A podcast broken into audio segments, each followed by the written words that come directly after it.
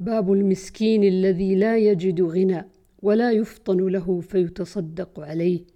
عن أبي هريرة أن رسول الله صلى الله عليه وسلم قال ليس المسكين بهذا الطواف الذي يطوف على الناس فترده اللقمة واللقمتان واللقمتان والتمرة والتمرتان قالوا فما المسكين يا رسول الله؟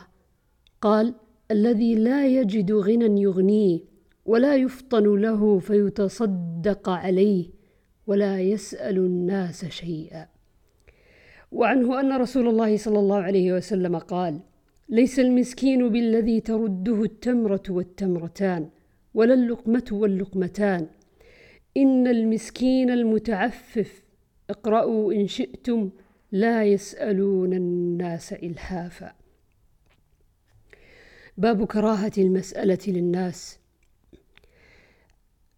عن حمزة بن عبد الله عن أبيه أن النبي صلى الله عليه وسلم قال لا تزال المسألة بأحدكم حتى يلقى الله وليس في وجهه مزعة لحم.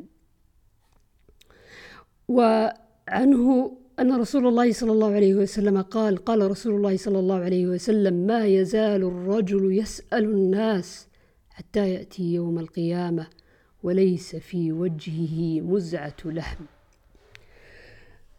عن أبي هريرة قال قال رسول الله صلى الله عليه وسلم من سأل الناس أموالهم تكثرا فإنما يسأل جمرا فليستقل أو ليستكثر.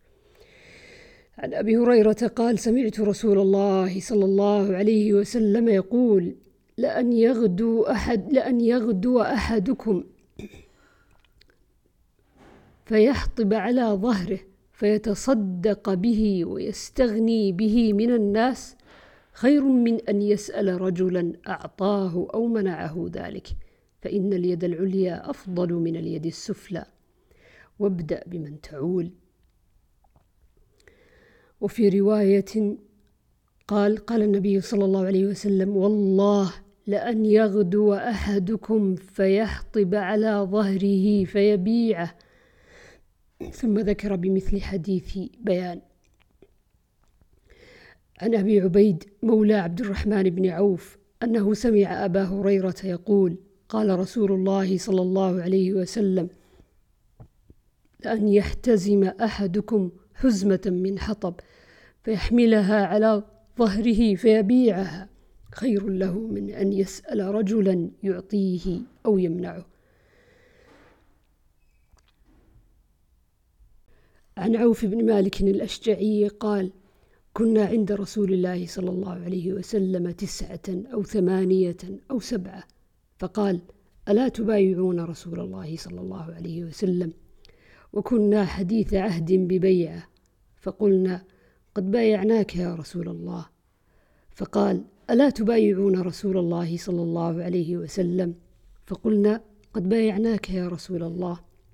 ثم قال ألا تبايعون رسول الله صلى الله عليه وسلم؟ قال فبسطنا أيدينا وقلنا قد بايعناك يا رسول الله فعلامه نبايعك؟ قال على أن تعبدوا الله ولا تشركوا به شيئا. والصلوات الخمس وتطيعوا الله وأسر كلمة خفية ولا تسألوا الناس شيئا.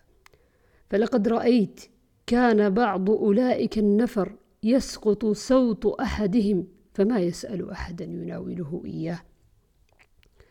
باب من تحل له المسألة.